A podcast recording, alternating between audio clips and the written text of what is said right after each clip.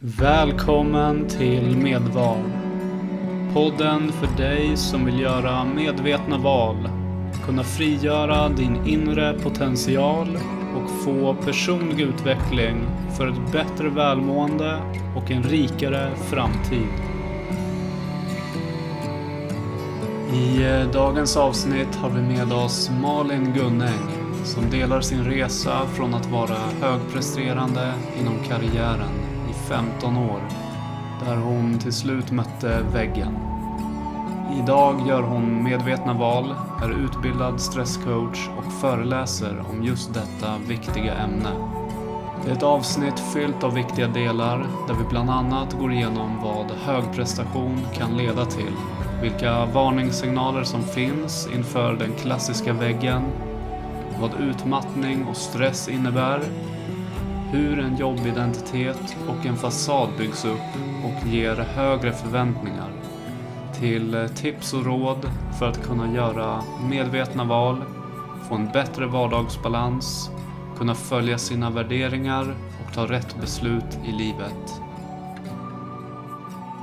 Varmt, varmt välkommen till dagens avsnitt. Tack snälla. Eh, Vi har ju pratat lite innan eh, och eh, dagens avsnitt kommer ju handla ganska mycket om eh, ämnet stress och kring det. Eh, men innan vi hoppar in på det, skulle du kunna berätta för de som lyssnar, vem, eh, vem är du? Absolut. Malin Gunning heter jag.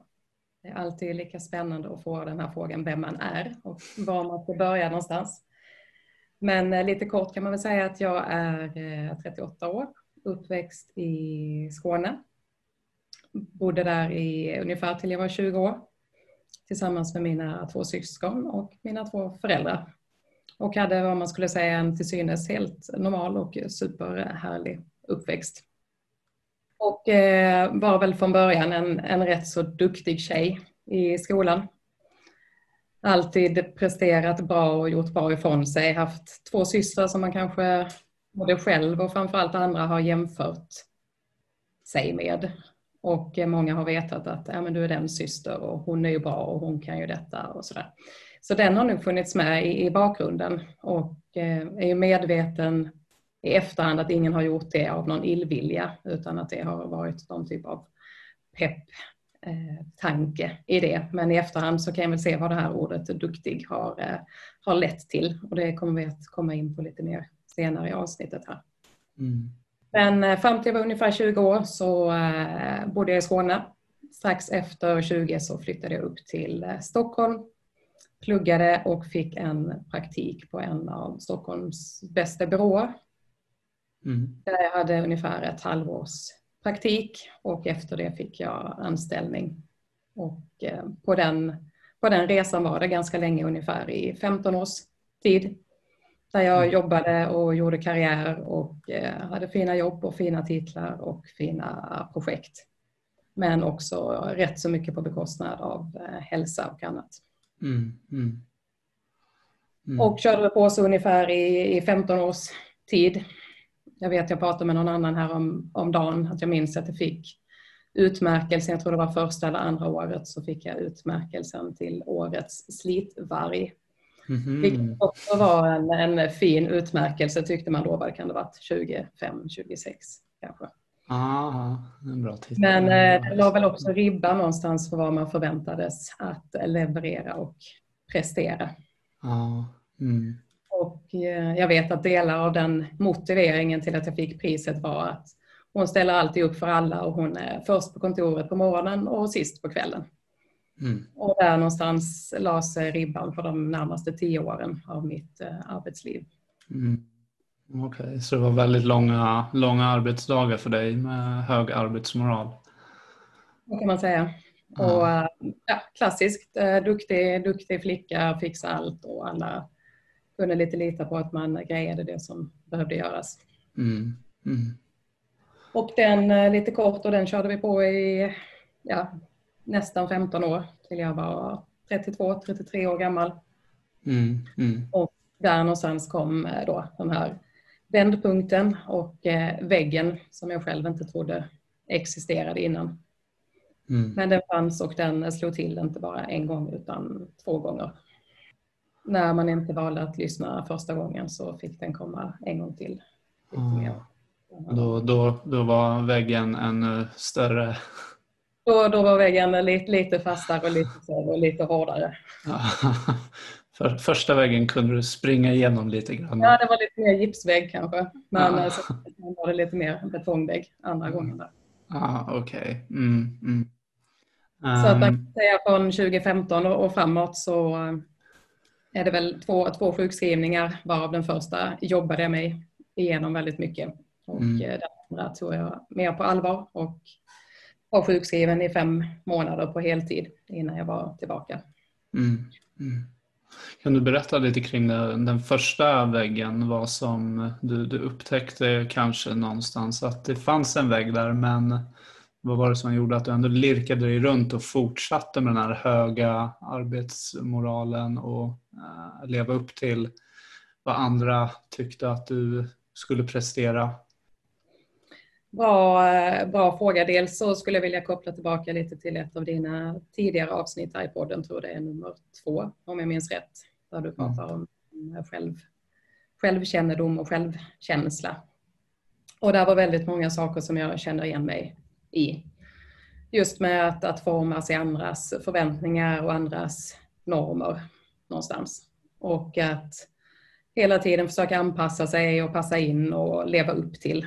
För det är ju någonstans som om man är, vad var jag, 23 år gammal och, och lägger den här ribban relativt högt så är det inte så att ribban ligger kvar för att folk ska vara nöjda eller för att du själv ska vara nöjd. Utan ribban flyttas ju successivt lite grann hela tiden. Och, och gör du det i 15 år så ligger den ruskigt högt i, i slutändan. Mm. Så det är väl klassiskt att man målar upp den här fasaden som, eh, som man gör allt för att passa in i. Och helt plötsligt så när man tar på sig jobbkläderna när man går till jobbet på morgonen så är det inte bara en, en klädkostym som man tar på sig utan det, det, blir faktiskt någon typ av jobbidentitet och fasad som man hänger på sig när man går iväg. Mm. Mm. Och eh, för min del handlar det ju extremt mycket om att, att prestera och koppla till det här med självkänsla. Att min självkänsla då tyvärr inte var vad den är idag utan det handlar om en, en prestationsbaserad självkänsla där man försöker att prestera för att boosta upp den här då, självkänslan. Och det är väl inget som jag var medveten om då men som jag är högst medveten om nu i, om man tittar tillbaka. Ja, skönt att du är medveten nu. Så det, det är väl det ena. Och sen tror jag att när man närmar sig den här väggen så, så finns det ju fortfarande, kanske inte lika mycket idag, nästan fem år senare, men ändå relativt mycket skam och tabu kring all typ av eh, psykisk ohälsa, även om vi kommer en bit framåt hela tiden. Så, så någonstans så finns det ju en skam och ett, ett nederlag i att, att faktiskt gå in i väggen för det första trodde jag inte man kunde göra det, för jag tyckte att jag hade jobbat så mycket och så länge. Och eh, jag tyckte att det här var någonting som hände andra, men inte mig. Mm, mm. Du var och, så pass rutinerad och visste att du, du ja, klarar av det här. Du har gjort det under så många år så det är, det är inga konstigheter. Lite så. Och har det inte bitit innan så, så kan det nog inte bita. Liksom. Mm, mm. Så att eh, jag vet att bara tre månader innan den här väggen så vet jag att jag sa att om, om man kan gå in i väggen så borde jag ha gjort det för länge sedan. Ah. Mm. mm. Så att det var väl eh, som, som andra typer av liksom, psykisk ohälsa eller miss, missbruk som det är i, slutändan. Så, mm. Eh, så blev det väl en förnekelse både för sig själv och, och för andra. Mm. Där i mitt fall blev det väldigt svårt att bromsa det här ångloket som bara tuffade tuffade på någonstans. Mm. Men hur var det då när du, när du körde det här tåget och kom, kom in i den här första väggen? För du, du körde ju ändå igenom den, men vad var, det som, vad var det som gjorde att du upptäckte att det var en vägg där? Att du, nu är det någonting som inte stämmer här? Mm. Um. Dels var det väl en del sådana här smygande saker. De, de första varningssignalerna som man kunde se var väl det här med magont, magkatarr, klump i magen. Mm. Kunde känna att för första gången så tyckte jag inte att saker var kul längre. Mm. Jag tror att många med mig som kanske känner igen sig har haft ett jobb kanske som man tycker väldigt mycket om. Och jag hade världens bästa jobb. Jag jobbade mycket, men jag hade världens bästa kollegor och jobbade i en jättespännande bransch. Och så är det väl ofta tror jag att man tycker att det är kul så att man knappt ens tänker på att det är ett jobb faktiskt. Mm.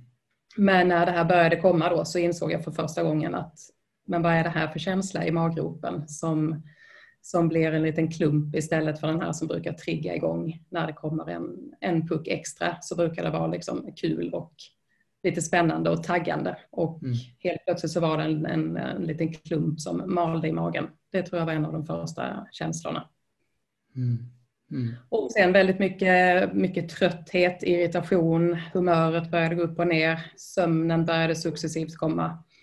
Började prioritera bort allt som inte var jobbet egentligen, mer eller mindre, samtidigt som man försökte pussla ihop ett, ett liv med, med man och två barn och dagis och hämtningar och allt det där. Mm. Mm. Så det var väl de första om man säger, varningssignalerna som kom smygande. Mm. När, när, du fick de här varningssignalerna, var det så att du, eh, du visste om dem men du, då valde du att Eh, lägga ännu mer energi på att lösa den situationen för jobbet? Eller tänkte du att nu, nu måste jag lösa situationen privat? Eller vad var det som hände där? Dels tror jag de första förstod jag inte att det var varningssignaler från efterhand. Men sen efter ett tag så började jag inse att okej, okay, men det här går inte riktigt ihop. Och jag minns att jag gjorde försök att jag pratade med min chef till exempel att jag kommer att stänga ner mejlen när jag går hem på kvällarna och göra en del sådana aktiva beslut. Utmaningen i mitt fall där var att då hade det här ångloket gått lite för fort, lite för länge. Så när jag stängde mejlen klockan sex på kvällen, det innebar ju bara att jag hade 53 olästa mejl på morgonen. Så mm. det var liksom för sent för att hitta en, en quick fix. Mm. Så hade man försökt att göra de här kanske små varianterna så sköt det sig lite själv i, i foten istället. Mm. Och konstigt nog så, så blev det ju så i alla fall för min del att jag också försökte då att leverera mer på, på andra plan. Så det var inte så att jag drog ner på, på hemmaplan utan då var jag också med i föräldrarådet på förskolan och föräldramöten och styrelser och grejer för att jag tyckte någonstans att kan jag leverera detta på jobbet så, så borde jag kunna leverera på en, en bra och en hög nivå för mina barn också. Mm, alltså du fyllde, du, du bromsade ner lite på jobbet fast du fick ju det som du bromsade ner dagen efter ändå. Ja. Ja, och sen ökade du på det privata för att du kände att men nu bromsar jag på jobbet så kan jag öka lite här. Ja, och jag tror i, grunden ett, ett ord som som speglar känslan väldigt bra i otillräcklighet. Mm. Att man kände sig otillräcklig. Jag vet att jag sa en dag till en kompis att om du, om du gör ett sånt här Google bildsök, om man ser det framför sig, och man får upp en massa bilder, så man skriver in mitt namn så såg jag liksom bara en massa sådana här mosaikbilder över mig mm. själv mm. någonstans. Och det tror jag med tanke på att man kände sig otillräcklig på jobbet så försökte man leverera mer där och så kände man sig otillräcklig hemma så försökte man leverera mer där. Mm. Och någonstans så visste man att det var inte så att man gjorde för lite utan det, det var att ribban låg, låg för högt där. Mm. Men känslan av otillräcklighet gjorde att man ändå försökte att, att fortsätta och, och leverera och någonstans känna att ah, men här sitter det i alla fall. Mm. Men eh, mm. det, det gjorde det inte utan det resulterade snarare i att man grävde den här gropen eh, djupare och djupare tills mm. det kom en, en rätt så tydlig vändpunkt eh, på sommaren där 2015. Mm. Där kroppen sa stopp. Okej. Okay. Då var det total, totalt stopp. Då kom den här stora väggen. Nej, det var fortfarande bara den lilla första väggen. Men det var i alla fall ett, ett, tydligt, ett tydligt stopp. Okej. Okay. Mm. Berätta vad, vad som hände vid det tillfället.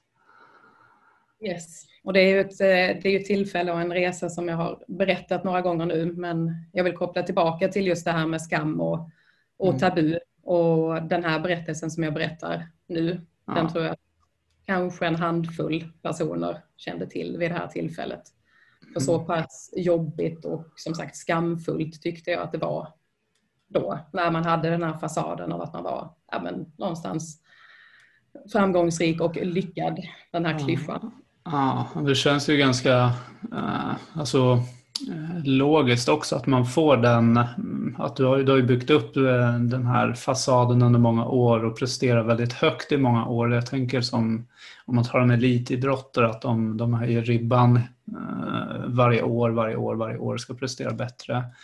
Till slut så går det ju inte att prestera högre eller hålla den där samma höga tempo. Ehm, och då är det väldigt svårt att dra ner på det och vara nöjd med att man nu har jag nått det här, nu backar jag bandet och så höjer jag ribban på nästa nivå, på nästa plats kanske.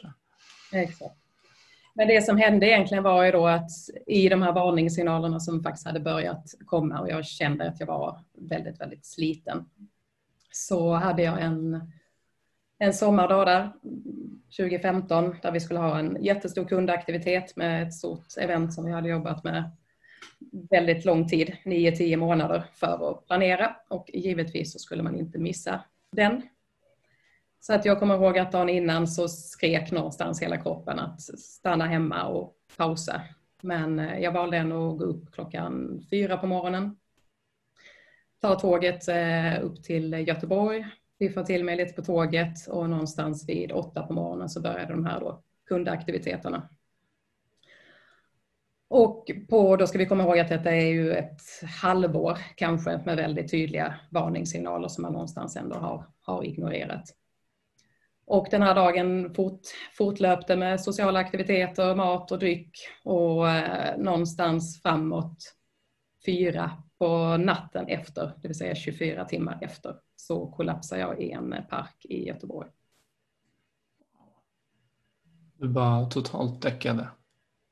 Ja, helt, helt däckad och eh, omhändertagen och eh, vaknade upp morgonen eh, efter i ett, i ett vitt rum och undrade lite var jag var med en eh, sjuksköterska som stod bredvid mig.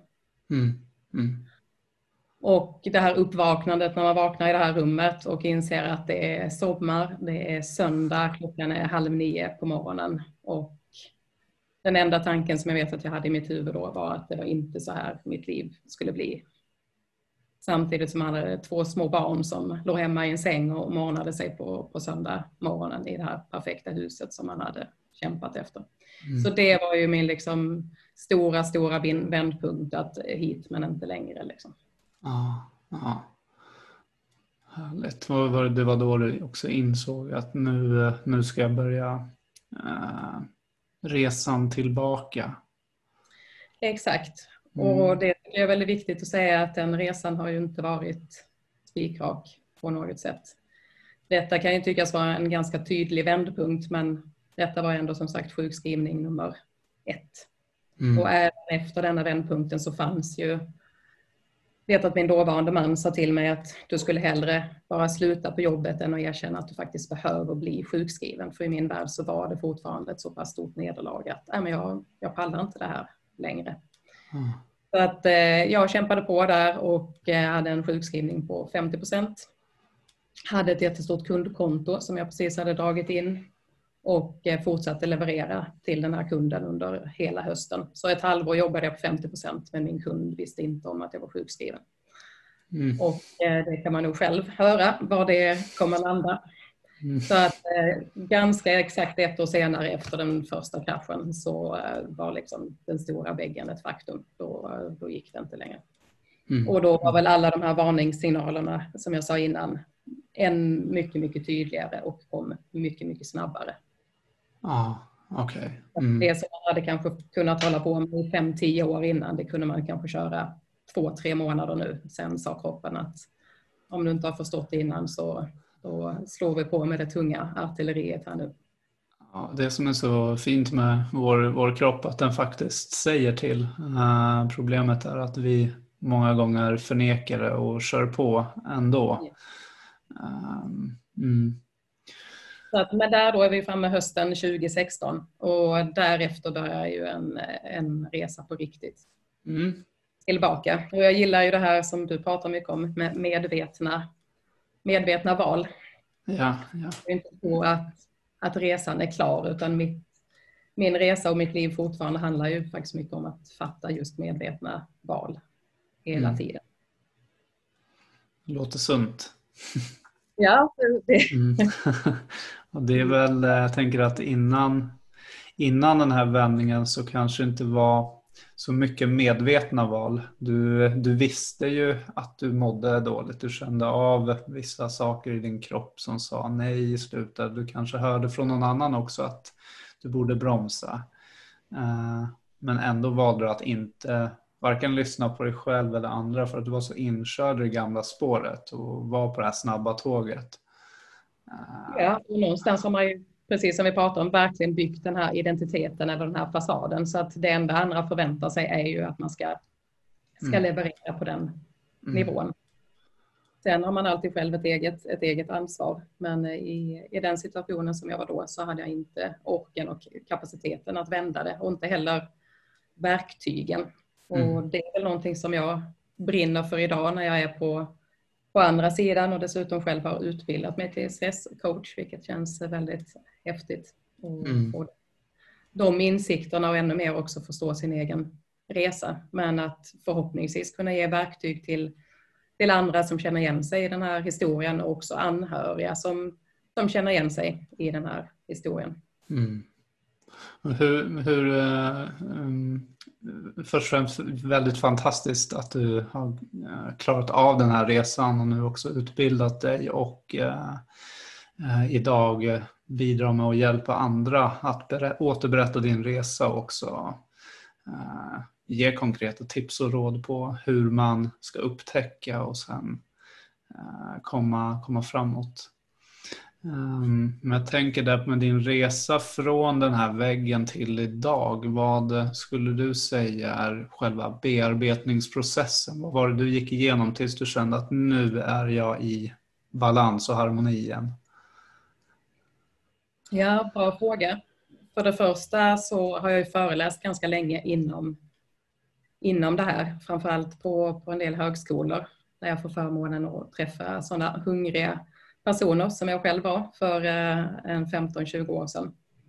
Och förhoppningsvis så en del eh, frön där. Och jag vet när jag hade de föreläsningarna för första gången så kände jag någonstans att Åh, nu är jag färdig. Eh, att nu, nu vet jag och nu har jag gått in i väggen och nu är jag klar.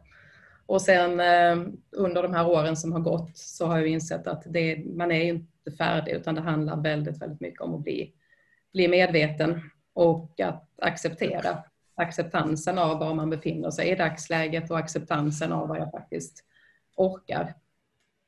Så att när jag blev sjukskriven på riktigt så fanns det fortfarande ett motstånd hos mig där att ja, men inte behöver jag vara sjukskriven, jag ska bara vila lite. Så drog vi igång den här sjukskrivningen och den blev ju som sagt eh, fem månader till slut. Och jag tror att det är viktigt att, att bara våga och orka ta det här första steget. Det är ju min erfarenhet, för när man har varit hemma en eller två veckor så blir allt så mycket klarare och, och, tydligare. Och ju längre jag var hemma desto tydligare blev det också att jag skulle vara hemma. Och successivt under en period så mådde jag till och med sämre för att jag tror många kan känna igen sig när man ska åka på semester till exempel och har jobbat mycket och så sätter man sig på det här flyget och så blir man sjuk för att kroppen inser att den kan pausa. Mm. Så då vet jag att jag fick mer symptom med tryck över bröstet, hjärtklappning, jag var inne och kollade på, på sjukhuset men summa summarum var att det, det är bara vila som gäller. Mm. Och det gjorde jag parallellt med att jag gick hos en eh, psykolog som jag kunde bolla och ventilera med.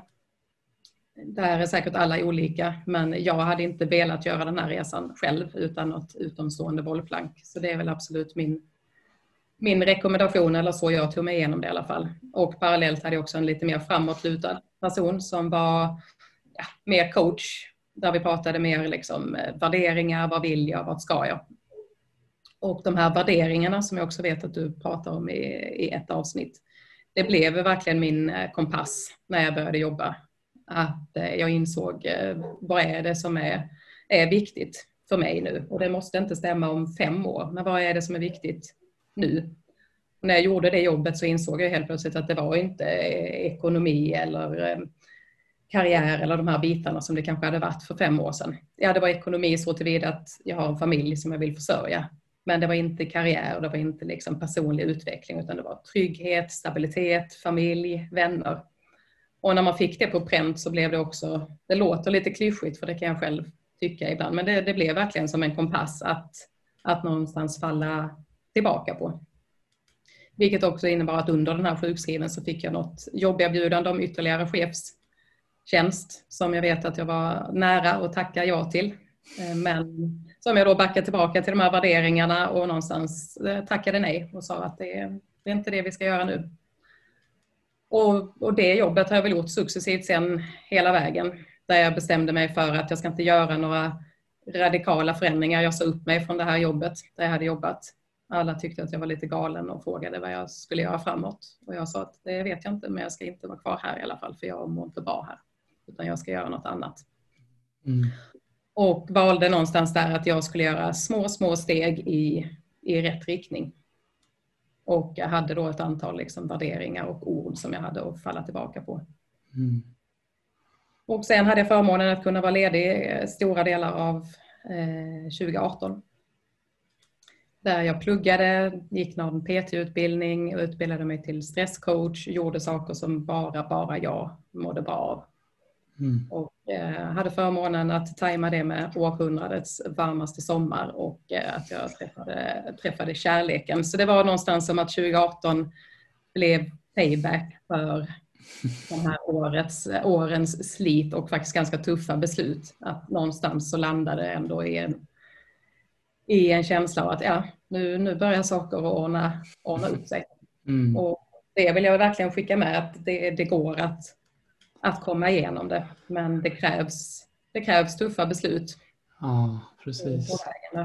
Jag tror att det är precis som du säger, många som känner igen sig att lägga väldigt mycket tid och energi på arbete och karriär. Och eh, när man lägger så mycket tid och energi på arbete och karriär så har man inte så mycket tid över till varken sig själv eller det privata livet. Ehm, och eh, här är väl ett ganska gott tecken på det att när du väl eh, kom in i väggen och blev medveten och fattade nya beslut att ta modet att eh, säga upp dig från jobbet helt ovetande och satsa på dig själv så kom privatlivet till följd. Eh, vilket är helt fantastiskt. Ja, men det, det är häftigt. Och jag minns så väl ett, ett specifikt samtal där våren 2018 när jag också fick ett, ett jobberbjudande ja men ska du inte haka på det här? Och vi pratade lite fram och tillbaka. Så nej, men jag återkommer nästa, nästa vecka. Och sen när vi pratar nästa gång så vet jag att jag sa det att nej, det här är också fel. Det, det är rätt baserat på att jag har kompetensen och jag skulle göra ett jättebra jobb med största sannolikhet. Men som sagt, det, jag ska inte gå tillbaka i, i de här spåren. Mm. Och då vet jag också att jag sa både till mig själv och i det här samtalet att nu är faktiskt saker bra på riktigt. Och det var väl någonstans där som det började landa, landa in. Mm. Vad, vad, skulle du säga var den största? Just för jag tänker det krävs ju väldigt mycket eh, mod också eh, att byta, alltså att först och främst lyssna på sig själv men också att verkligen göra ett skift. Vad, eh, vad var det svåraste i det skedet? det svåraste tror jag var just att, att släppa den här identifieringen med jobbet som jag gissar att en del också kan känna igen sig i. att har du jobbat i det så här länge, så vem är man någonstans utan sin titel eller utan sitt visitkort? Och när jag säger sådana här saker efterhand så kan det nästan låta banalt för att ja, det, det känns så avlägset de här tankarna någonstans. Mm. Men där och då vet jag att hela min, min identitet var ju det här jobbet, kontaktnäten, projekten, resorna, kollegorna, allting runt omkring det. Och någonstans att säga så, nej, jag ska inte vara med på, på det här längre. Och det mm. innebär att jag kommer att missa det här och det här och det här. Och det innebär eventuellt att jag kommer att göra de här och de här personerna besvikna, för jag kommer inte att leva upp till det som de har förväntat sig. Mm. Och eh, det tror jag var det, var det svåra. Och sen att någonstans bara stänga ner mejlen, ta bort visitkorten och, och landa i vem är jag utan de här sakerna. Mm. Men det var ju ett antal veckor, jag skulle säga ett till två veckors riktig abstinens. Mm, mm. Det första läget. Mm. Det, jag tror inte man kan likna det vid något annat än ett, ett, ett fysiskt abstinens. Mm. Så, att, så det skulle jag säga att var det stora steget.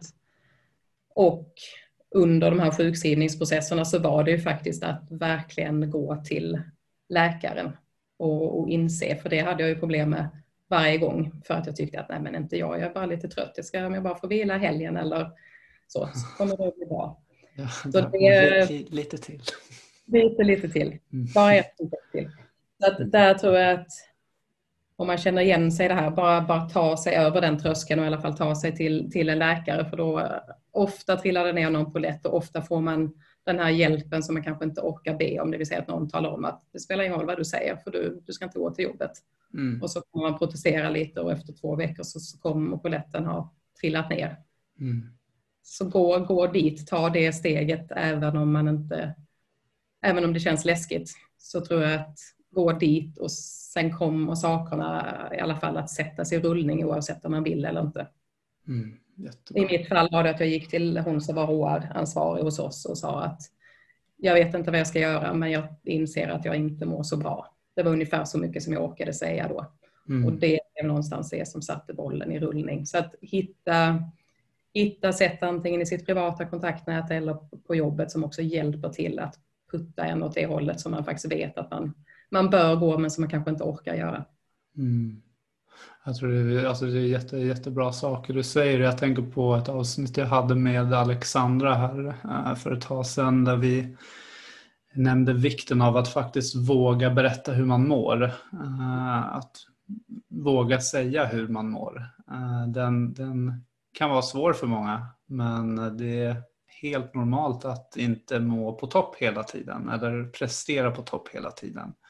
Eh, vi går i banor upp och ner varje dag. Så, är det mm, man, man ska nog inte förvänta sig att man alltid kan vara på topp eller den man var för 20 eh, år sedan. Saker förändras. mm. Jag har också hört det avsnittet med Alexandra, jag gillar det väldigt mycket. Jag vill minnas att ni också pratade om det att när man själv talar om att man inte mår bra så är det också väldigt många som kommer till en och öppnar upp en. Ja. Eller öppnar upp sig. Och så många som jag har haft som kom till mig efter i allt från jobb och privat och i dagis eller vad som helst så att det är verkligen en häftig effekt när man själv vågar eh, släppa den där fasaden. Så är det många andra som också har ett, ett stort behov av att prata. Mm. Verkligen. Och hur eh, skulle du säga att livet är idag efter alla, all, all resor du har gått igenom? Hur ser, hur ser en vanlig dag ut för dig idag? Ja, men eh, för det första så lever jag ett, ett varannan veckas liv, vilket innebär att varannan vecka så har jag mina två fantastiska barn och varannan vecka så lever jag ett vuxenliv med, eh, med Kim. Och eh, det ser såklart ganska olika ut de två, två veckorna. Och där tror jag igen att vi kommer in på det här med, med medvetna val, att om jag har mina barn så, så vet jag att jag behöver hushålla med min energi, jag behöver gå och lägga mig den här tiden när jag behöver hushålla med min energi för att jag ska vara en bra mamma, jag ska göra läxor, de ska till fotbollen och så vidare. Och sen så finns det absolut veckor där den energin inte räcker till. Till exempel som jag nämnde för dig innan när vi har flyttat här nu precis. Då, då är det ju väldigt mycket att försöka och balansera och hitta den här mm. Eh, nivån och också lära sig att falla tillbaka på att göra saker bra nog men inte allt. Men eh, som svar på hur en dag ser ut, den, lite olika. Jag har ett, ett jobb i, eh, där jag kör min eh, stress, stresscoaching både med individuella coacher och coachar företag och grupper samt ut och föreläser. Och sen så har jag ett, ett kontorsjobb också, vilket innebär att vissa dagar så är jag inne på, på kontoret och vissa dagar så jobbar jag helt och hållet hemifrån. Mm. Men det som återkommande är att jag försöker att ta hand om min sömn. För mm brister sömnen så brister väldigt mycket annat. Mm. Jag mm. kunde leva på fyra, fem timmars sömn när jag jobbade som mest och nu behöver jag ha mina åtta för att må bra. Mm. mm. Och eh, att, att ta hand om mig själv så mycket, det, så mycket det går. Men att också bli identifiera och det skulle jag vilja, det är väl ett av mina saker som jag brukar prata med med eh, klienter om att faktiskt våga identifiera sina varningssignaler innan man är där. För många säger så här, men hur ska jag, liksom, hur ska jag fånga upp detta innan? Jag är inte stressad nu. Mm. Mm. Men att faktiskt då våga sätta sig och ta 10-15 minuter och identifiera sina varningssignaler. För jag tror att alla kan, alla kan känna igen sig att man har varit stressad vid, vid något tillfälle. Mm. Och i min värld var det i alla fall så att den stressen som visade sig på kortsiktig stress var samma sak som visade sig på långsiktig stress bara i ännu större omfattning. Och när jag ber folk lista det här så brukar de allra flesta kunna säga att ah, jag får ont i huvudet eller jag är spänd i axlarna eller det susar i mitt öra eller jag blir irriterad eller jag blir glömsk. Så att de allra flesta brukar kunna göra den här listan på tio minuter. Så mm. kanske det blir tio punkter så säger jag bra, dra ner den till tre eller fem. Och så sätter du den på kylskåpet eller pingar den i din mobil en gång i veckan eller en gång i månaden. Och när du märker så här, oj, nu pingar jag faktiskt in på fyra av de här. Då kan man också proaktivt istället för reaktivt jobba med det. Och det är samma sätt som jag jobbar på i dagsläget. Jag vet vilka mina varningssignaler är. Det är att jag, om sömnen fallerar så fallerar väldigt mycket annat. Eh, blir väldigt känslosam, får väldigt kort stubin, eh, får migrän och får ont i huvudet. Och så vet jag att okej, okay, men nu, nu är det för många av de här som varit återkommande. Mm. Och istället för att jag då drog i handbromsen kanske efter fyra år innan så drar jag i handbromsen efter fyra, fem dagar. Mm, mm. Det, det är liksom så pass stor skillnad. Så att mm. eh, jag vet till exempel när du och jag skulle poddat första gången, det var en sån vecka där jag bara kände att det, det går inte. Dels var jag liksom fysiskt eh, sjuk och krasslig men också orkesmässigt. Och istället för att då liksom trycka i sig piller och tänka så nej, nej men nu har jag lovat, nu ska inte jag göra Patrik besviken här. Mm. Att faktiskt våga, våga ställa in och ställa upp för sig själv. Ja, jag tror att den är, alltså den är otroligt viktig. Att uh, våga säga nej till något och säga ja till sig själv. Ibland måste man göra det och uh, utan att vara rädd att bli dömd eller att någonting ska bli tokigt. Utan i, i, min värld så tycker jag det är väldigt uppskattat när någon faktiskt snarare ärlig än att man pushar sig själv för det blir inte ett bra resultat då. Uh. Så att jag tror att eh, som jag sa innan så handlar det om medvetna val och att, att inse att man inte är färdig på resan utan bromsa och pausa och, och känna efter. Mm. Och senast i våras hade jag en sån, det tog en vecka och bara sa att nej, nu, nu är jag på fel spår. Jag märker av många av de här tendenserna. Så nu blockar jag kalendern i en vecka och bara är. Och bromsar man så pass i tid så, så räcker den veckan också. För att eh, ju längre vi skjuter på det desto längre får vi också förvänta oss att det tar innan vi är tillbaka. Mm. Ja, det är jättevärdefulla tips. Eh, det är någonting som jag också gör. Eh, kanske någon gång i månaden så brukar jag ha en två, två dagar i månaden. Någon eh, helg där jag verkligen bara försöker stänga av och eh, meditera eller gå in i mig själv och gå igenom vart står jag nu, vart är jag på väg någonstans, vad behöver jag under nästa månad tänka på för att må bättre. Och det där är någonting, ett arbete man måste göra hela tiden. Det är inget arbete som man gör en dag och sen så är det klart, utan någonting Nej, som pågår. Mm. Och det är väldigt klokt och precis som du säger, det är ingen quick fix utan det är, det är en pågående process. Mm, mm. Och det tror jag med, med allting som har med, med hjärnan eller det psykiska att göra så är det fortfarande betydligt svårare att greppa än om det är eh, eller det psykiska är mycket svårare att greppa än det fysiska. Mm. För att om vi vill underhålla vår, vår fysiska form så inser vi att det, det, hjälper inte att vi läser den här boken om styrketräning eller om kost. Och det räcker inte att vi styrketränar två veckor och sen inte mer. Utan då, då inser vi att då går vi till gymmet tre gånger i veckan och så gör vi det lite löpande eller springer eller vad det är.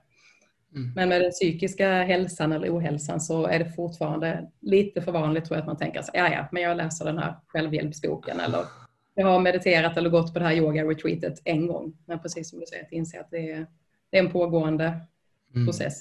Mm. Jag tror att den är lika, minst lika viktig som kost, sömn och den fysiska träningen. den mentala träningen är lika viktig den. Ja, att få in det som, eh, schemalägga det, ha det som rutin att hela tiden gå igenom de här delarna. Verkligen, och jag tror också att precis som när man är i ut, utmattningsfasen att hjärnan någonstans utsätter vi för sådana extrema påfrestningar dag efter dag efter dag. Och skulle du jämföra det med att gå till gymmet och köra liksom biceps tio timmar om dagen, sju dagar i veckan. Det skulle liksom inte hända och någonstans så skrattar man lite åt Man tycker så nej, nej men det, det gör väl ingen. Nej, men det är det vi gör med vår stackars hjärna. Liksom. Det är så sant. Det är så sant. Uh, lustigt att man inte kan se det på ett så tydligt sätt som med biceps sju dagar i veckan. Att det är fungerande. Men det är väl kanske just för att det inte är fysiskt. Man, man ser inte Nej, resultaten fysiskt. Mm. Det är lättare med ett brutet ben, både för en själv eh, men också för, för andra. Just hur man ska, ska hantera det och hur man... Det, det syns inte utanpå som jag brukar säga med, med psykisk eh, mm. ohälsa. Utan det, det är lätt att bygga upp den här fasaden som vi pratar om. Ja, precis. Mm.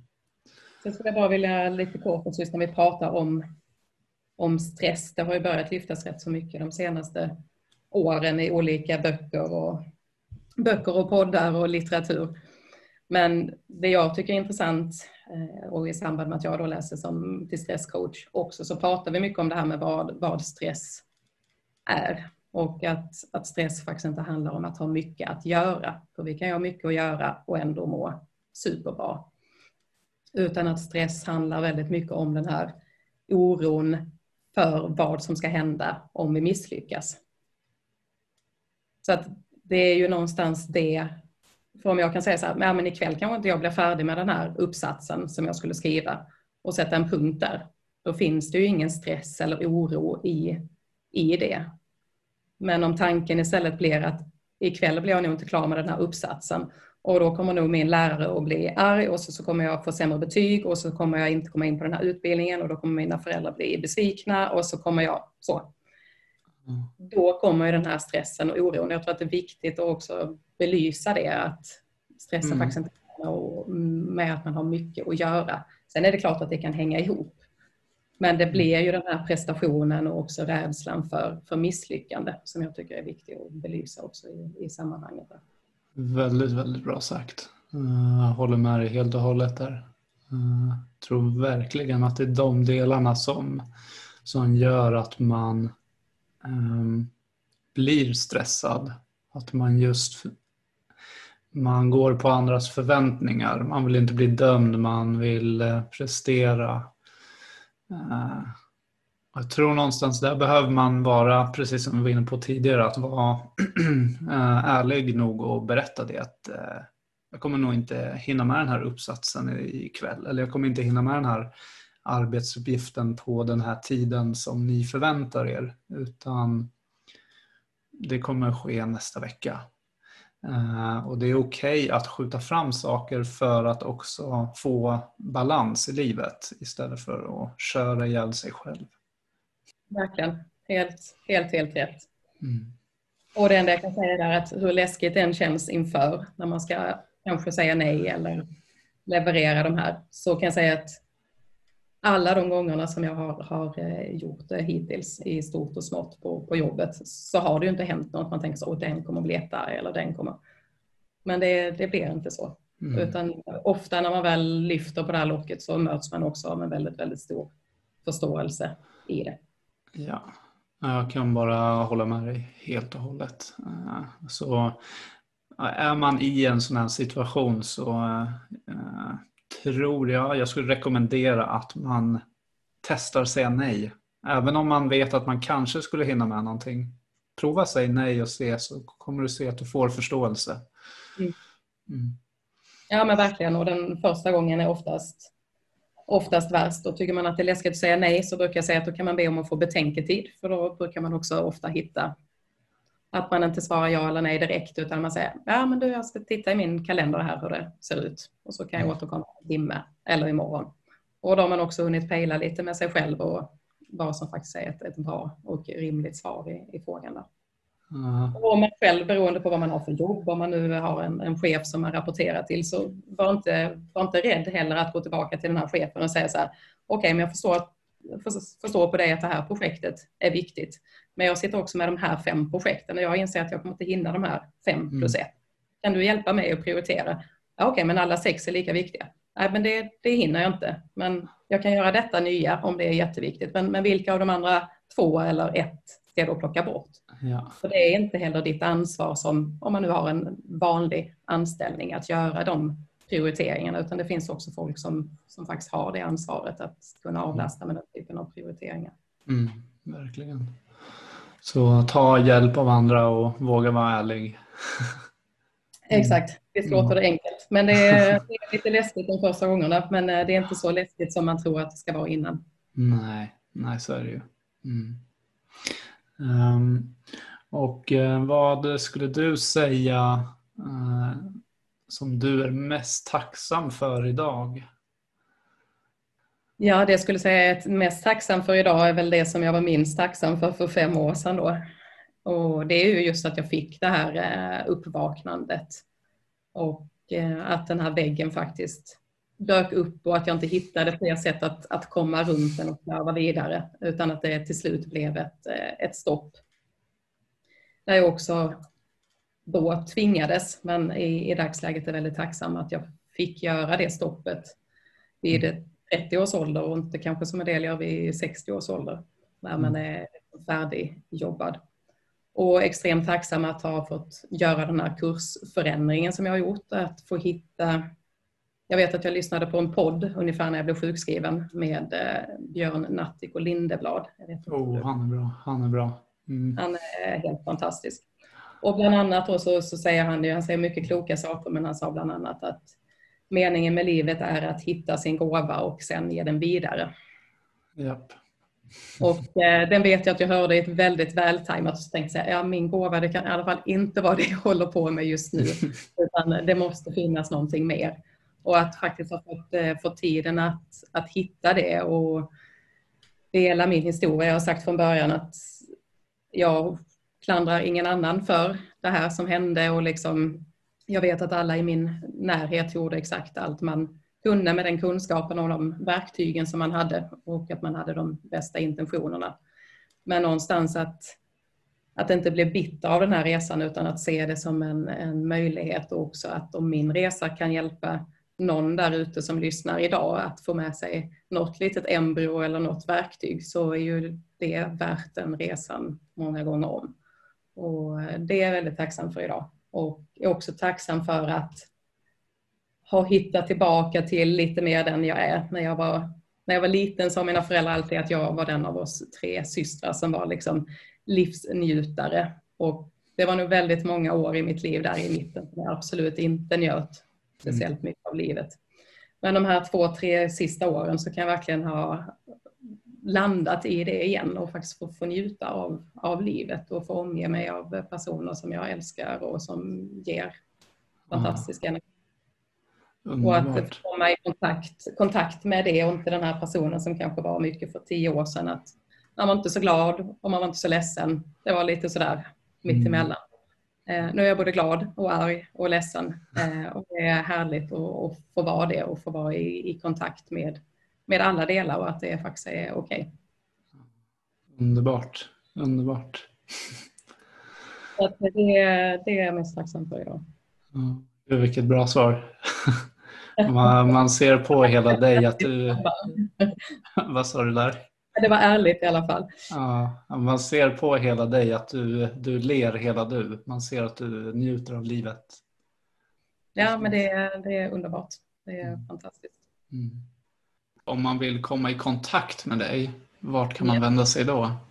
Om man skulle vilja komma i kontakt med mig så finns jag i dagsläget på eh, Instagram där jag heter balance harmony love. Och i dagsläget håller jag på att knåpa på en hemsida. Den är inte helt färdig, men via Instagram kan man också nå mig på mejlen som är malin.gunnang, G-U-N-N-A-N-G, gmail.com. Stort, stort tack för eh, alla fantastiska delar som du eh, sprider här och eh, allt som du har gått igenom. Helt fantastiskt. Tack själv. Tack snälla för att jag fick vara med här idag. Mm. Och tack för att du gör en, en bra och viktig podd. Jag vill tacka dig för att du har lyssnat och deltagit i detta avsnitt. Och jag hoppas att det kommer att kunna hjälpa dig att få mer självkännedom och vad du behöver göra för att nå dina önskade lägen och mål här i livet.